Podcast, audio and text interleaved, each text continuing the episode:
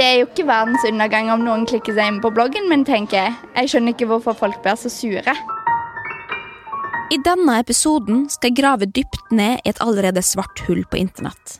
Ned til det laget som kalles bloggosfæren.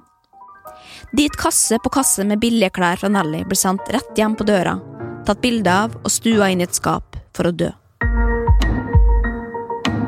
Der unge jenter setter sin verdi i form av likes, følgere og kommentarer, og dealer solkort og kollagenpulver. Der unge jenter selger sjela si på internett for en billig penge og ender opp med psykiske problemer og musearm.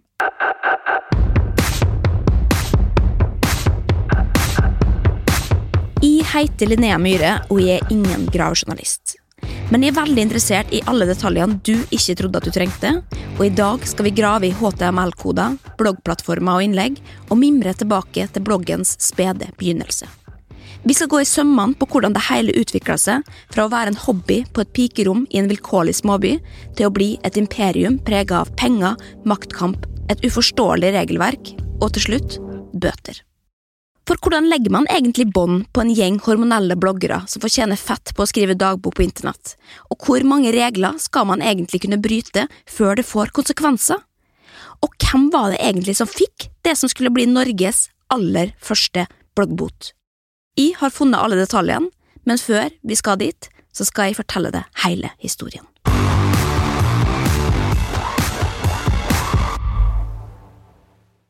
Jeg skal prøve å ikke snakke altfor mye om meg sjøl i denne episoden, men jeg må likevel opplyse om at jeg har en del realkunnskap nettopp i kraft av å ha vært blogger. Og ikke for å skryte, men jeg var faktisk en av de første bloggerne i Norge. Jeg skal ikke gå så langt som å si at det var jeg som fant opp bloggen, men jeg var faktisk en av de første idiotene som frivillig blottla privatlivet mitt og skrev alt jeg tenkte på for allmennskue. Det meste av det verken samfunnsnyttig eller klokt. For å forstå det store bildet er det kanskje på sin plass å starte på begynnelsen. Bare for å beskrive hvordan det så ut den gangen, så kan jeg for eksempel nevne det som var den aller første bloggfesten i 2009. Festen ble arrangert av kollega og Norges første rosablogger, Ida Wulf, og fant sted i kjelleren på Mona Lisa i Oslo, i Grensen. Og ja, som for utenforstående så kan det beskrives som en slags Egon møte Fridays Fusion-restaurant. Med verdens korteste og kjipeste gjesteliste så tok datidens bloggelite seg fram til festen i, ja, hold det fast, limousin.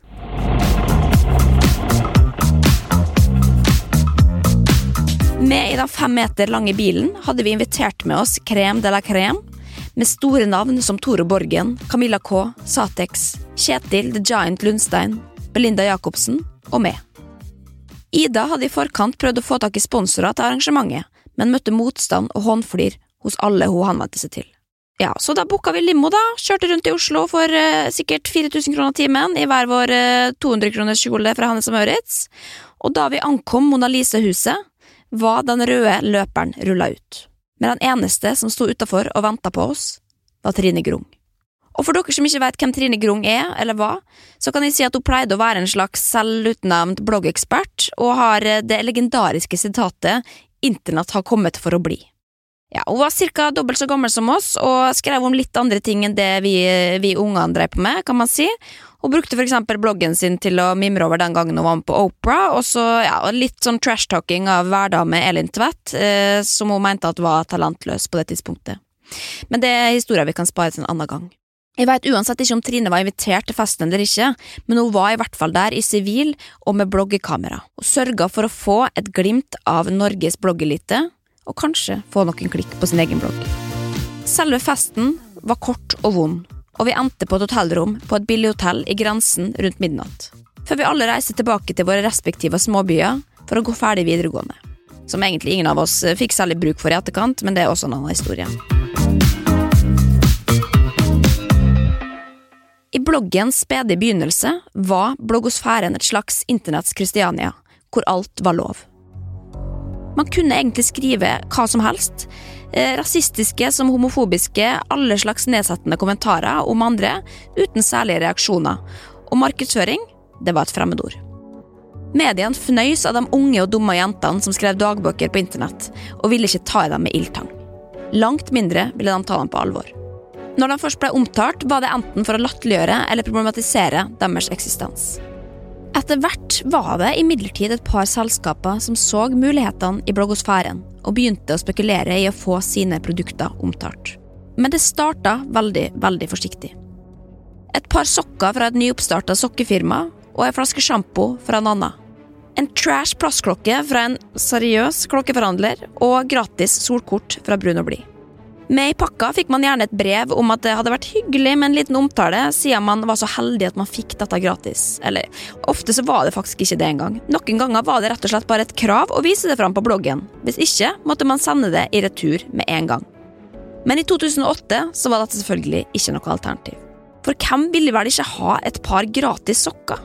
Gratis sjampo? Gratis stygg klokke i plast? Måtte vise det fram på bloggen til tusenvis av kjøpesterke lesere midt i målgruppa? Herregud, det er bare å sende hva som helst, anytime, og så kjører man det ut på bloggen. Fast forward til 2020. Tolv år seinere er virkeligheten en litt annen. Annonsører har flytta seg fra tradisjonelle medier som TV og radio for å fokusere på blogg og influensere. Store bedrifter betaler hundretusenvis av kroner for å få vist produktene sine i bloggerne sine sosiale medier, og de slåss om profilene med flest lesere. Den lille og usponsa festen på Mona Lisa har blitt en årlig og relativt prestisjetung prisutdeling på Grand Hotel med journalister og fotografer utsendt fra hele landet. Goodiebagsene har vokst i volum og verdi, og produkter som blir sendt til bloggere i posten uten forvarsel og avtale, blir sendt i retur. I skapene til pensjonerte bloggere ligger det 3000 flasker sjampo og et titall års CO2-forbruk i form av billig nips, mobildeksel og hair extensions. Unge jenter har gått på skattesmeller for de har skjønt hva skatt er. Og Forbrukertilsynet har jobba overtid med å kontrollere, arrestere og ikke minst bøtelegge unge bloggere. Det har med andre ord skjedd mye på veien. Men hvordan kom vi egentlig hit? Hvordan gikk man fra uskyldige blogginnlegg om gratis OnePiece eller gavekort på JC, til nyheter om bloggbøter i Norge sine største aviser? Når oppsto egentlig ordet spons, og hvordan ble det synonymt med reklame? Og hvor jævlig vanskelig er det egentlig å følge de enkle reglene? Eller enkle og enkle, men det kan vi komme tilbake til.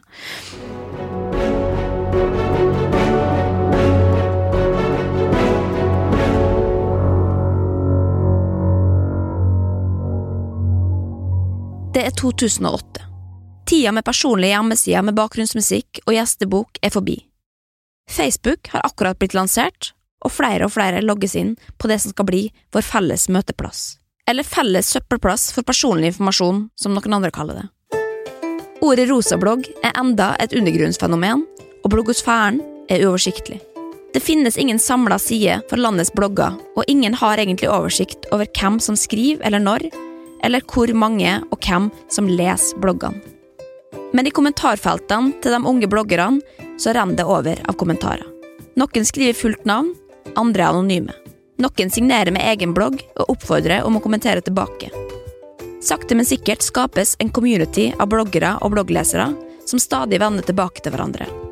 Linker deles via Facebook og hverandres blogger, og man er stadig på leiting etter de nye, kule underground-bloggerne. I takt med at lesertallene øker, prøver bloggerne som føler at de har flest lesere, å finne ut hvem som faktisk har flest lesere. Ved hjelp av ganske ræva analyseverktøy verserer falske tall, og etter hvert oppstår splittelse og konflikt om hvem som er best og mest lest. Noen bloggere rotter seg sammen og kaster digitale fraser etter hverandre.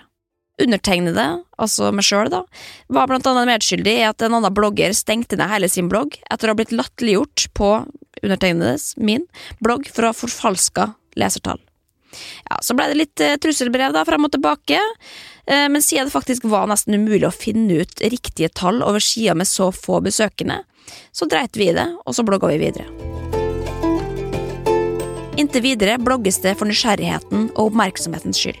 Enten man blogger fordi man så at noen andre gjorde det, eller fordi at man sjøl har lyst til å bli sett. Det er ingen som sier noe særlig av verdi, og personfokuset vokser. De unge jentene og guttene forteller om dagen sin, hva de har spist, tenkt og opplevd. Nye innkjøp, musikk og bøker, sminke og klær. Inntil videre finnes ikke ideen om å tjene penger på blogg. Inntil videre er det bare fun and games, caffè latte, baksnakking og lipgloss.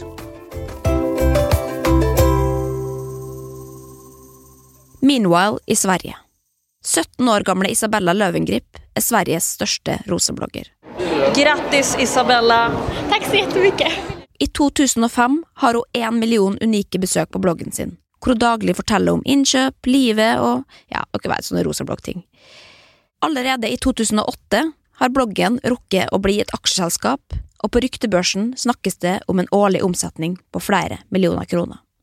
Det er en kjent sak at Sverige alltid ligger et hestehode foran Norge. Ja, bortsett fra korona, men det er alltid unntak fra regelen osv. Men ellers så har de alltid ligget et stykke foran, og mer presist ca. tre år. Isabella har allerede blogga i tre år i den nyheten om det første varselet når Norge. Isabella Løvengrip granskes nå av svenske forbrukermyndigheter. Økonominettstedet Din Side omtaler saken og skriver følgende, sitat. På bloggen legger Løvengrip ut bilder av seg selv iført dyre antrekk fra store motehus foran butikken hun har kjøpt det. Det vil svenske forbrukermyndigheter ha slutt på. Ja, for da viser det selvfølgelig at blondinbella Isabella Løvengrip, ikke bare tilfeldigvis står utafor en butikk hun liker og har lyst til å framstakke. Plasseringa er strategisk nettopp fordi at Isabella både får gratis klær og penger for å omtale butikken. Problemet er bare at leserne hennes ikke opplyses om dette. Altså er det skjult markedsføring. Og hva er det som ifølge markedsføringsloven er forbudt både i Sverige og i Norge? Nettopp skjult markedsføring. Men så er det et annet problem. For hvordan skal egentlig 17 år gamle Isabella vite dette? Og skal egentlig en personlig dagbok på nettet trenge å innfinne seg med de samme reglene som store og mektige bedrifter? Og det er dette som blir starten på et halvhjerta forsøk på å lage et regelverk for 17 år gamle hormonelle jenter på internett. Men ikke nok med det, det blir også starten på den økende interessen for å få produktene sine plassert og omtalt på blogg, og på 17 år gamle jenters stadig voksende bankkonto. Til tross for at tida beveger seg raskt på internett, går det veldig sakte i det norske systemet. Forbrukerombudet sine to ansatte rekker knapt å lese ett blogginnlegg før det kommer et nytt, og å spotte hvilke produkter som er skjult reklame eller ei, er tilnærma umulig.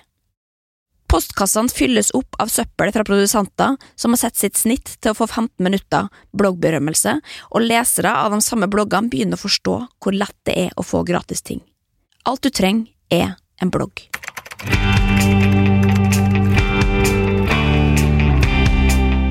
Derfor passer det jo veldig bra at plattformen blogg.no har designa en innbydende og rosa startside hvor hvem som helst kan skaffe seg blogg, og ikke minst ei toppliste med oversikt over de mest populære bloggene. Ryktene går også om en pengegevinst jo lenger man kommer opp på topplistene, og unge gutter og jenter fra hele landet oppretter sine personlige dagbøker på blogg.no.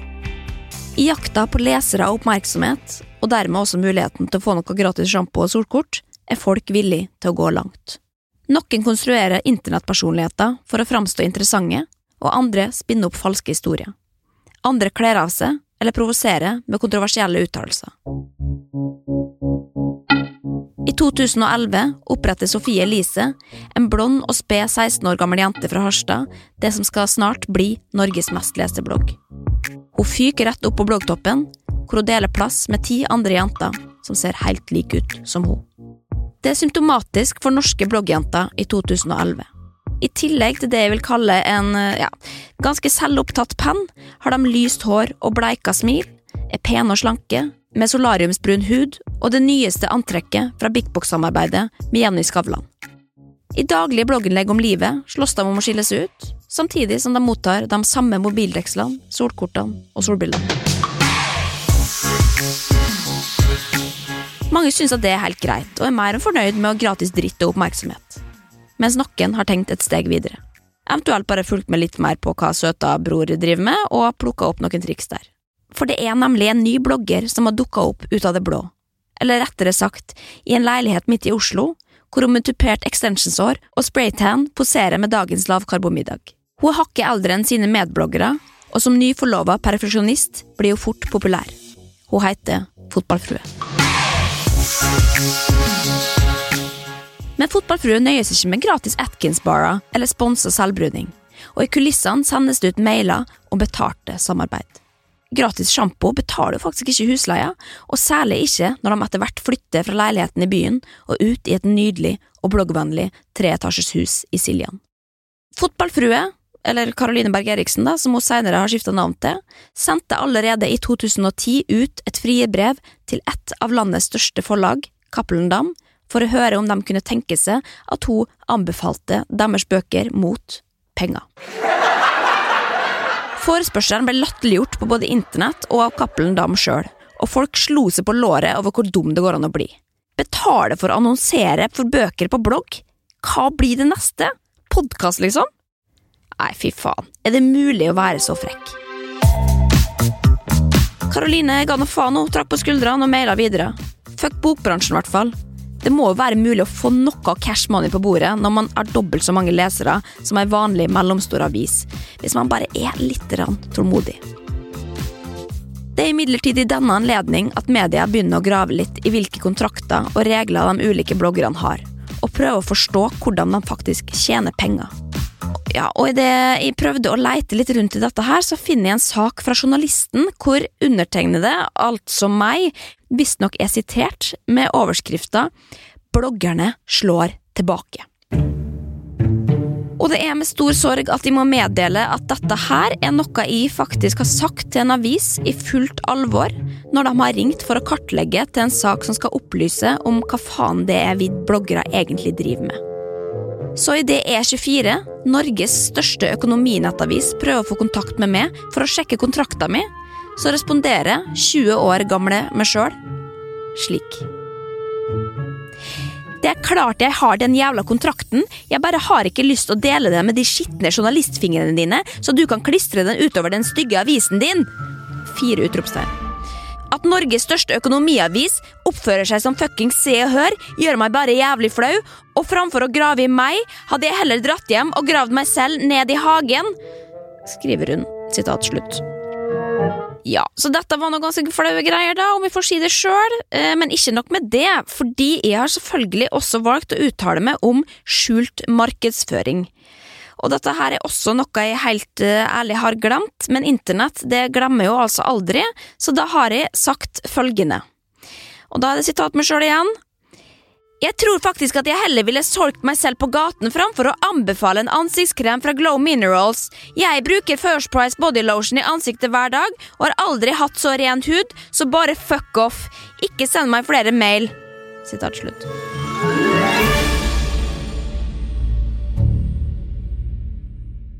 Ja. Jeg vet ikke hva jeg skal si, egentlig, men altså, jeg er jo for så vidt enig med meg sjøl, da, men jeg ville nok kanskje ikke ha brukt akkurat de ordene i dag. Videre i saken så dukker det heldigvis opp en voksen som kan uttale seg. Journalist Tommy Brakstad mener følgende, sitat. Det er sikkert slik at mange bloggere ikke kjenner forbudet mot å ta betalt for å omtale produkter, uten samtidig å merke at omtalen er reklame. Men når man starter en næringsvirksomhet, slik flere bloggere nå har gjort, følger det også med en forpliktelse til å kjenne reglene. Omtrent samtidig har det norske forbrukerombudet begynt å våkne. For sjøl om noen bloggere tenker litt større, er det fortsatt mye gratis dritt ute og går. Bloggere som poserer i dagens antrekk med klær de har fått gratis, og kaster på extensionhåret etter gratis frisørtimer.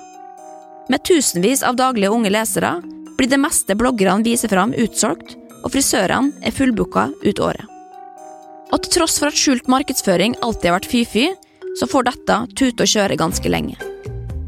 Ja, og så er det de greia med skatt og sånn, da, for verken Fotballfrue eller Sofie Elise har kunnskap om at det finnes mange regler for å drive butikk, og at man i teorien da skal skatte av mottatte varer. Og det er heller ingen som forteller meg at de pakka med extensionshår i en mye mørkere farge enn mitt eget som jeg fikk gratis i posten, er noe som skal skattes av, og ingen som forteller meg noe om hvorfor det skal det heller, i tilfelle. For hva er greia med skatt, egentlig? Det spiller uansett ikke noen rolle, for det er i 2011 at Forbrukerombudet for første gang reagerer. Din side skriver ei sak med overskrifta Truer bloggere med bøter! Vil stanse skjult reklame i populære blogger. Journalist Ole Petter Bogerod Stokke, eller hva faen han heter, skriver følgende. Skal vi tro hypen, har bloggere blitt våre nye journalister. Ah, jeg vet ikke akkurat om vi ville brukt de ordene, men ok, la meg få høre argumentasjonen din, kjære Ole. Men bloggere og journalister skiller seg på ett viktig punkt. Journalister forholder seg til regelverk, både juridisk og etisk. I bloggosfæren er det annerledes. Mange bloggere omtaler produkter mot betaling uten å fortelle leseren om at omtalen faktisk er sponset. Derfor har Forbrukerombudet nå laget en veiledning. Denne forteller bloggerne tydelig hvordan de skal forholde seg til sponset omtale, eller reklame, som journalister gjerne kaller det. Om veiledninga skriver Forbrukerombudet følgende sitat Vi ønsker å vise bloggerne at det er enkelt å unngå å bryte loven. Det viktigste rådet er at bloggeren må gi klar og tydelig beskjed til leserne dersom han eller hun får økonomiske fordeler ved å omtale produkter eller tjenester. Ja, og så er det mange punkter og regler om marking og skjult reklame og reklame rettet mot barn osv. videre Og og sist, men ikke minst, sanksjoner. Under dette punktet står det Dersom bloggere bryter markedsføringsloven, vil de kunne få økonomiske konsekvenser. Og det er omtrent her jeg gir meg. For helt til nå så har også jeg drevet med blogg, og etter fem år så er jeg rett og slett drittlei. Jeg har malt meg opp i et internetthjørne, og jeg veit ikke hvem jeg er lenger. Det så vi akkurat et godt eksempel på, og jeg er egentlig ganske deprimert av hele greia. Jeg skammer meg hver gang noen spør hva jeg driver med, i frykt for å bli satt i rosabloggerbåsen, båsen hvor bloggerne drar for å dø. Hittil har jeg tjent null kroner på bloggen. Gir meg akkurat idet startskuddet for bloggmillionærene går. Perioden 2011 og 2012 er en viktig periode i Blogg-Norge. Ordet rosablogg er ett av årets ti nyord, og i 2012 finnes det totalt 800 000 blogger i Norge. Sofie Elise og Caroline Berg Eriksen styrer fortsatt skuta, med titalls tusen lesere om dagen. Samtidig skyter flere unge jenter fart og klatrer raskt opp på lista. Blant dem er Emilie Boe Nereng, ei helt vanlig, blond jente fra Hønefoss, og mammabloggeren Anna Rasmussen, eller mamma til Michelle, som folk flest faktisk kjenner som. I takt med at antall lesere øker, vokser også markedet for å tjene penger. Akkurat hvor mye du tjener, kommer an på antall lesere og klikk, samt hvor mye av sjela di du er villig til å selge. Ryktene går om at de største bloggerne tjener latterlige summer med penger, og i et intervju med Stavanger Aftenblad i 2012 sier den gangen 17 år gamle Stavanger-jenta Anna Rasmussen, mamma til Michelle, følgende om sin inntekt. Jeg har ikke lov å si hva mye jeg tjener, men det er mye. Mer enn mange voksne med lang utdanning og jobb i olja. Men som topplogger i 2012 må man være bevisst, og selv om Anna sin inntekt først og fremst kommer av klikk, har hun også konkurranser med sponsa produkt. Og til tross for at hun droppa ut av skolen, har til og med Anna forstått at det er en form for reklame og må merkes. Til sitata sier hun Jeg er nøye med å merke de unnlagene som er sponsa. Det er ikke smart å ha for mange av disse, der bloggen blir kjedelige.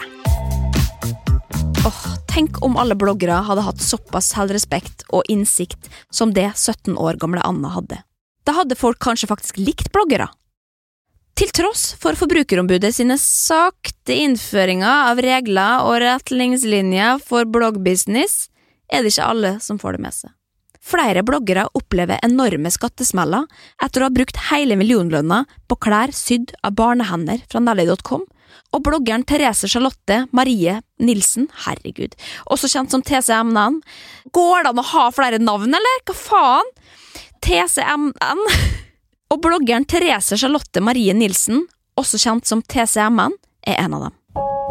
Til E24 forteller hun om den tøffe tida etter at skatteetaten gikk hardt ut med bokettersyn til populære bloggere, og hun skjønte plutselig at man måtte skatte av alt hun tjente, ikke bare det hun tjente på bloggplattformen blogg.no. Til dine penger uttalte hun følgende om saken. Jeg tjente i tillegg ca. 300 000 kroner fra forskjellige samarbeidspartnere. Det var noe jeg måtte gjøre på egen hånd, og der stoppa det for min del, for jeg var ikke klar over hvor man gjorde det. Altså, alle med dialekter fra all over Norge, beklager til dere. Don't come at me, altså, for dette her er ikke min sterkeste side. Men God knows I fucking try. Hun innrømmer også å ha gått i den berømte gavefella og sier følgende. Jeg har fått alt fra iPhone-deksler verdt 100 kroner til en dyr språkreise verdt 30 000 kroner. Det å få gratis gaver lønner seg ikke i lengden når man sjøl må betale for det. Andrea Badenyk, også kjent som Farmen-Andrea i etterkant, eh, hadde i en alder av 18 år en blogginntekt på 100 000 kroner i måneden, og levde sitat 'the good life'. Men dessverre så glemte hun å betale skatt, og fikk plutselig ettersyn for de fire siste årene. Resultatet ble godt over en million kroner i baksmell. Heldigvis for bloggeren. I et blogginnlegg fra 2015 skriver hun nemlig følgende. Takk Gud for skattesmellen. Dessverre tror jeg det var den eneste som kunne stoppet meg fra mitt enorme forbruk. Ja. God bless, altså. Ja ja, det er ingen som kan si at det ikke er hardt og brutalt å bli voksen, i hvert fall, og litt for seint skjønne seg på det relativt ukjente fenomenet skatt. Det er jo også flere bloggere som har havna i det samme kjøret, da, og som har eh, tilfeldigvis også droppa ut av skolen for å satse på nettopp bloggen. Og noen ganger så lurer jeg rett og slett på om det ikke nødvendigvis er det beste man gjør i livet, da. At det er den beste avgjørelsen man tar. Eller at man i hvert fall venter til man har hatt om og forhåpentligvis lært seg fremmedord som velferdssystem og skatt. Men nei da, herregud, jeg skal ikke henge ut uh, unge jenter for å tjene 100 000 kroner i måneden uten å forstå at man må skatte av det i. Jeg var jo ikke smart nok til å tjene en eneste krone på blogggamet sjøl, så jeg er jo sikkert bare misunnelig. Men til tross for at noen av reglene om markedsføring ikke når helt fram til dem som faktisk driver med markedsføring, er det likevel langt ifra den første gangen en blogger har tråkka i salaten. For allerede i 2010 gikk tre av tre bloggere i fella, da alle fikk tilsendt hver sine tre flasker med musserende vin på døra, og ble oppfordra til å kåre årets bloggboble. Både Ida Wulf, fotballfrue og Anette Haga omtalte vinene, dette til tross for at alkoholloven om forbud mot reklame for alkohol har eksistert siden alle tre bloggere ble født. Da avholdsorganisasjonen Juvente gikk ut og kritiserte omtalen, la imidlertid samtlige bloggere seg flat, og de sa sitat, at de ikke ante at dette var ulovlig. Og til NRK da, så sier blant annet fotballfrue «Eh, jeg må nok bare legge meg helt flat, eh, jeg trodde at dette var eh, helt greit. Jeg håper at det går an å se gjennom fingrene her, for det er nok ikke mange bloggere som er klar over hvordan dette fungerer. Nei, det er kanskje ikke så lett å vite, men sjøl om alle var enige den gangen om at man aldri skulle gjøre det igjen, så kan jeg telle på både én og to hender over hvor mange ganger den samme loven har blitt brutt på én eller flere av bloggene, og noen har kanskje lagt seg flat litt ekstra mange ganger. Men når det er sagt, da, så er det faktisk en del gråsoner i denne bransjen, og bloggere og kjendiser er veldig, veldig lette bytter når det kommer til å low-key vise fram alkohol som faktisk er sponsa, uten at de sjøl veit det. Jeg har for eksempel ikke tall på hvor mange ganger jeg måtte sette fra meg sponsa alkoholholdige velkomstdrinker med logo før en rød løper, for eksempel. Og arrangørene har kommet løpende etter og sagt du, du må gjerne posere med det glasset, altså. Uansett, kjøret går i bloggbransjen, og stadig flere annonsører henger seg på. Samtidig strammes reglene inn, og Forbrukerombudet truer bloggerne med bøter. Aftenposten omtaler i en større sak bloggerne som de nye pengemaskinene. Og nå holder det ikke lenger bare med omtale i bytte med produkt. Nå må du også betale. Prisen på blogginnlegg øker fra måned til måned, og flere bransjer viser interesse for bloggosfære deriblant Cappelen Dam, altså det samme forlaget som i 2010 gikk hardt ut mot Caroline Berg Eriksen for i det hele tatt tenke på å ta betalt for omtale av bøker. Det har nå gått fem år, og the tables are turned. Cappelen Dam legger plutselig alle annonsepengene sine hos bloggere i lanseringa av husmorspornoserien Calendar Girl. Plutselig er det ikke én eneste blogger som ikke varmt anbefaler den utrolige Calendar Girl, med innlegg lange som vonde år, med bilder av seg sjøl mens de leser i boka, helst i senga. I et innlegg fra oktober 2016 skriver bloggeren Pilotfrue innlegget En bok som tenner meg, hvor hun åpner innsalget slik. Eh, dere? Eh, jeg har lyst til å starte denne lørdagen med å anbefale dere boken jeg har lest på sengekanten de siste morgenene og kveldene. Jeg leser sjelden bøker, men bøkene i serien Calendar Girl har, som dere vet, falt i smak hos meg.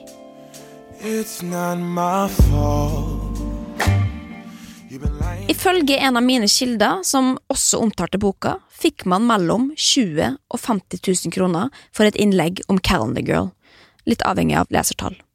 Den samme kilden innrømte også, og egentlig ikke ha lest boka, men at det var greie penger. Og det er også i denne perioden at kritikken rundt bloggeres troverdighet øker. For hvor mye reklame er egentlig for mye reklame?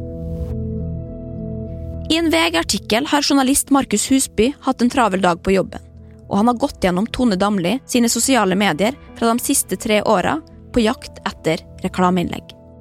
Han kan melde at hun i løpet av det siste året har omtalt hele 40 ulike produkter. Han kaller til og med reklametone, og lurer på hvordan det er mulig å være så jævlig sell-out. Tone på sin side hun skjønner ikke problemet, og svarer enkelt og greit. Vi må jo alle tjene til livets opphold. Ja, og jeg sier egentlig som Tone, vi må jo alle på en eller annen måte tjene til livets opphold. Eller hva, rampelysjournalist Markus Husby? Må vi ikke det, da? Ja, det sier jo Ida, som har brukt fire dager på å skrive denne episoden. Det som imidlertid begynner å feste seg, er Forbrukerombudets regler om merking av reklame på blogg. Altså, Nå er det meste fortsatt forvirrende, altså, for all del, men det de fleste har begynt å få med seg, er at dersom innhold, produkt eller tjenester er betalt eller sponsa, skal det merkes. Men likevel er det noen som føler at ikke det gjelder akkurat dem. I en sak fra sommeren 2015 skriver Aftenposten om hvordan Forbrukerombudet har granska 41 ulike blogger og har funnet ut at 34 av dem bryter loven. De mener at noen sniker unna bevisst eller merker feil. I saken ser vi eksempler fra en Pia Tjelta-lansering av noen kjoler hvor ulike kjendiser, Tone Damli og sånn, har posta bilder av seg sjøl på Instagram og i blogg i Pia sine kjoler. Og sjøl om mange av disse kjendisene er venner av Pia og bare har lyst til å støtte venninna si ved å vise seg fram i en lånt kjole, går det likevel under kategorien som markedsføring. Kjendisene blir på denne måten Pia sine levende reklameplakater og er verdt hundretusenvis av kroner. Men i sosiale medier er det ingen som merker det, og slik blir vi mottakere utsatt for det Forbrukerombudet mener er skjult reklame. Og dette er såpass alvorlig at de nå vurderer å bøtelegge bloggerne. Akkurat slik som de sa også at de vurderte to år tidligere men det har de visst glemt. Og til tross for at bloggere bare har blitt større og rikere, har det altså enda ikke blitt utlevert noe bot. I bloggosfæren, som nå omfatter mer enn bare blogg, men også Instagram, Twitter og Facebook, er folk forbanna. Bloggere mener nemlig at det ser så dumt ut å merke alt som reklame med reklame, og at reglene er for uklare. I en Aftenposten-sak mener blogger Sofie Elise at reglene er urettferdige, og sammenligner bloggbransjen med lignende bransjer. Hun sier følgende. Jeg får inntrykk av at Forbrukerombudet følger oss opp strengere enn andre aktører. Jeg ser ofte at nettaviser har sponsa lenker, spesielt i reisesaker, men ingen av dem merkes. Bloggere har fått streng beskjed om å merke slike lenker. Jeg synes det blir litt urettferdig. På bloggen trekker hun også fram TV-programmer og idrettsstjerner som aktører som hun mener slipper billigere unna enn bloggere. Skal fotballspillere med logo på drakta begynne å ha spons ved sida av? Og hva med på TV, når det bare kommer en liten P i starten av programmet, hvorfor er det godt nok? Da kan jo også bare jeg ha en liten P øverst i bloggen min for produktplassering, så forstår man at litt av bloggen er det, men ikke hva. Og der må jeg faktisk si at jeg er ganske enig. For sjøl om lovverket har blitt strengere for f.eks. nettaviser og magasiner siden den gang, så pågår det fortsatt en del forskjellsbehandling på tvers av bransjer. Skal Jo Nesbø legge ut et bilde av boka si på Instagram f.eks., så slipper han å merke. Men hvis en blogger har skrevet bok, da må man skrive reklame først i innlegget. Skal Petter Northug drikke sponsa Red Bull på Instagram, slipper han å merke. Drikk i sponsa Pepsi Max på min, må jeg merke det. Annonserer Sondre Justad en konsert på Instagram, slipper han å merke det. Skal Tone Damli annonsere en konsert, må hun merke. Og nå skal jeg ikke bli for politisk her, altså, for vi mener selvfølgelig at vi skal ha regler, og de må gjerne være strenge, men da må man også som forbrukerombud være litt konsekvent, tenker jeg, og ikke bare straffe folk etter hvor respekterte yrker man har. Men siden det visstnok er rosabloggere som er verst, så er det altså dem de jakter på, sier Forbrukerombudet. Og samtidig som det sendes ut brev til 40 nye bloggere om regelbrudd, dukker det stadig opp nye og veldig forvirrende regler. Dette skaper reaksjoner i bloggbransjen, og i en sak fra Medier24 har journalist Gard Michaelsen prøvd å skaffe oversikt over de nye og strenge reglene ved å presentere et par ulike caser for Forbrukerombudet. Men spørsmålet er om ikke casene blir litt for vanskelig å løse selv for Forbrukerombudet. Et av casene er eksempel pressefrokost for et kameramerke, hvor både bloggere og journalister blir invitert til frokost, kaffe og en titt på produktene. Ingen får noe som helst, annet enn litt mat, inntrykk og informasjon om de nye kameraene. Så er spørsmålet må et blogginnlegg eller en artikkel om dette merkes som reklame? Gry Negård fra Forbrukerombudet svarer følgende på casen. Nei, det er jeg ikke helt sikker på. Eh, det må nesten bloggeren foreta en vurdering av selv. Er man i tvil, så merker man. Ja, ok, nettopp. Ja, for det var oppklarende, ja. En annen case er fra samme pressefrokost, men i dette tilfellet får en anerkjent fotoblogger med seg kameraet hjem for å teste og skrive om det, før det dagen etter leveres tilbake. Skal dette merkes som reklame? Gry gir igjen oppklarende svar på problemstillinga. Det blir på litt samme måte. Dette er vurderinger man eh, selv må ta. Eh, hvis man mener at det ikke er reklame, så trenger du jo ikke å merke det med reklame. Så får det være en risiko for å merke feil. Ok. Ja, ok, så da er det jo egentlig ikke noe svar her, da. Eh, men ikke nok med det. Like etterpå går Gry sjøl ut i Kveldsnytt på NRK og truer med enda større konsekvenser for de dumme rosabloggerne hvis de ikke skjerper seg. Det er viktig at vi, vet, eh, vi som lesere vet om det er reklame eller ikke. Nå gjøres det for dårlig. Eh, og hvis ikke det blir bedre, så er vi nødt til å be om sanksjoner ved neste korsvei. Hva slags type sanksjoner? Da blir det snakk om eventuelt økonomiske sanksjoner. Ja, ok. Så da finnes det egentlig ikke noen klare retningslinjer her, utenom at eh, dersom noe er reklame, så bør det merkes med reklame. Og hvis man ikke er sikker, som man jo egentlig aldri er, da, så bør det likevel merkes med reklame. Og hvis ikke, så får man økonomiske sanksjoner. Ok, den er grei. Det går en liten stund hvor Gry flytter folkeblikket vekk fra bloggerne.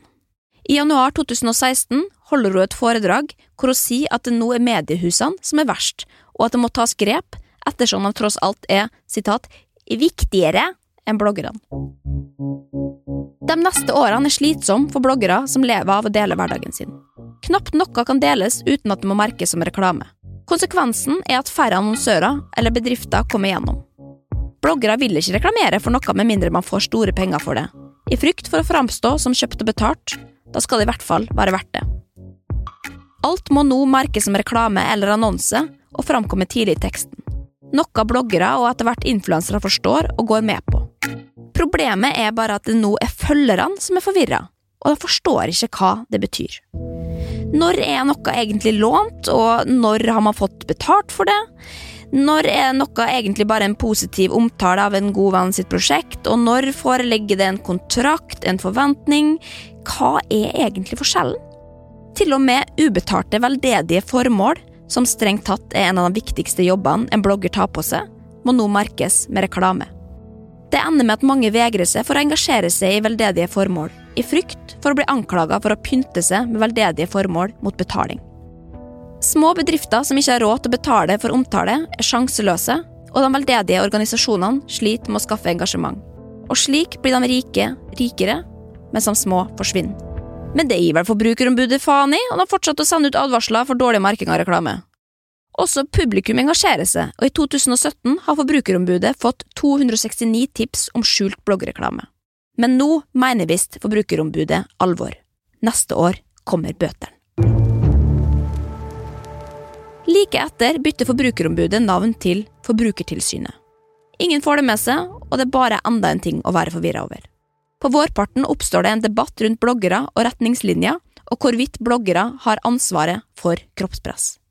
Internett popper popkorn mens noen av landets største bloggere stiller til debatt på NRK i beste sendetid. Ingen blir enige, men barne- og likestillingsminister Linda Hofstad Helleland tar saken på alvor og inviterer bloggere til å diskutere etiske retningslinjer. Samtalen går live på VGTV, og er egentlig en ganske flau seanse hvor voksne prøver å late som at de forstår seg på internett, blogging og kroppspress. Hallo? Hører dere meg, alle sammen? Jeg håper at uh, dere som er her i dag, og som er innflytelsesrik, og som har uh, til sammen veldig mange flere følgere enn mange av våre største aviser, uh, og utrolig stor makt, at dere er med og tar et nytt skritt i en veldig spennende bransje. Bloggerne til stede aner ikke om dette er et arrangement som er noe som man bør merke som reklame. De får jo tross alt noe gratis mineralvann og frukt og greier for å være der, og de kan jo blogge om møtet etterpå. Men det spiller jo ingen rolle, og det gjør egentlig ikke møtet heller, fordi det er ingen som blir enige, og mange bloggere fortsetter å dele ut rabattkoder på fillers, ta med bloggkamera inn på klinikken for å dokumentere plastiske operasjoner osv., osv., helt uten sanksjoner. I mellomtida sitter Forbrukertilsynet og skriver ut sin aller første bloggbot. Det står skrevet i Verdens Gang i 2018. Det skjedde i de dager at det gikk ut en befaling fra Forbrukertilsynet om at Anna Rasmussen må betale 100 000 kroner i bot. Eller er det Forbrukertilombudet? Nei, faen, det er Forbrukertilsynet. Ja, stemmer.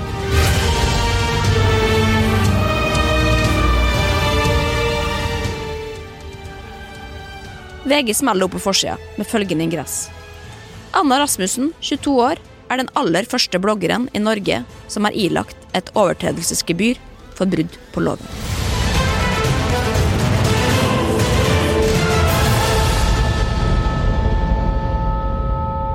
Så det er altså selveste mamma til Michelle som har fått æren av å motta den første økonomiske sanksjonen Forbrukerrådet har varsla om i flere år.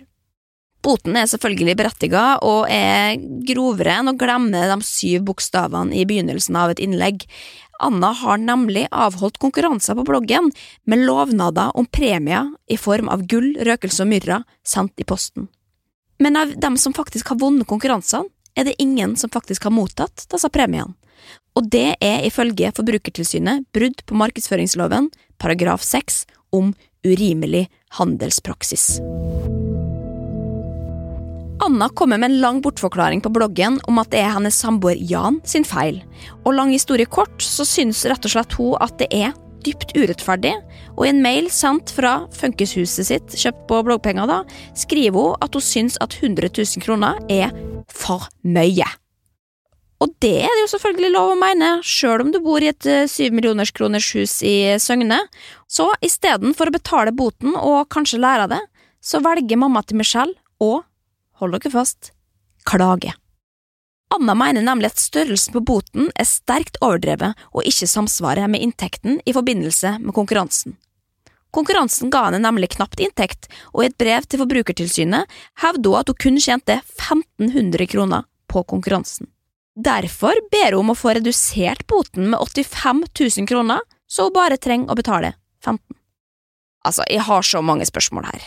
For hvordan kan egentlig en businesskvinne som omsetter for flere millioner i året, gå med på å avholde en konkurranse som kun gir 1500 kroner i kassa? Altså, Det er jo det det koster å sende ut disse premiene bare i porto, så jeg skjønner jo godt at dere ikke gadd å sende dem ut da. Så Det jeg egentlig prøver å si, Anna, er at hvis dette er tilfellet, så er det du som har blitt lurt, og det er du som burde bøtelegge annonsøren som ba deg avholde denne konkurransen. Forbrukertilsynet syns uansett at dette blir litt for tynne greier, for like etter avviser de klagen til Anna. I en kommentar til DN holder Forbrukertilsynets Elisabeth Lier fast ved at boten er berettiga, og avslutter med å si følgende. Vårt håp er at det sender et signal også til andre påvirkere. De må gjøre seg kjent med lovverk og sørge for at de følger det. Nå skal det sies at Anna i etterkant har hatt økonomiske utfordringer som blant annet har ført til at hun måtte flytte, og om det er bloggboten alene sin feil, er vanskelig å si. Men én ting er i hvert fall sikkert. Bloggerne er kanskje ikke de nye journalistene, men fy faen så mye penger mange av dem har og tjener, og fy faen så mye makt de har. Og sjøl om denne bransjen stadig er i forandring og forbedring, gjenstår det mye før vi har en balanse i millionregnskapet hos de unge jentene. Men akkurat det kan vi spare til en annen episode.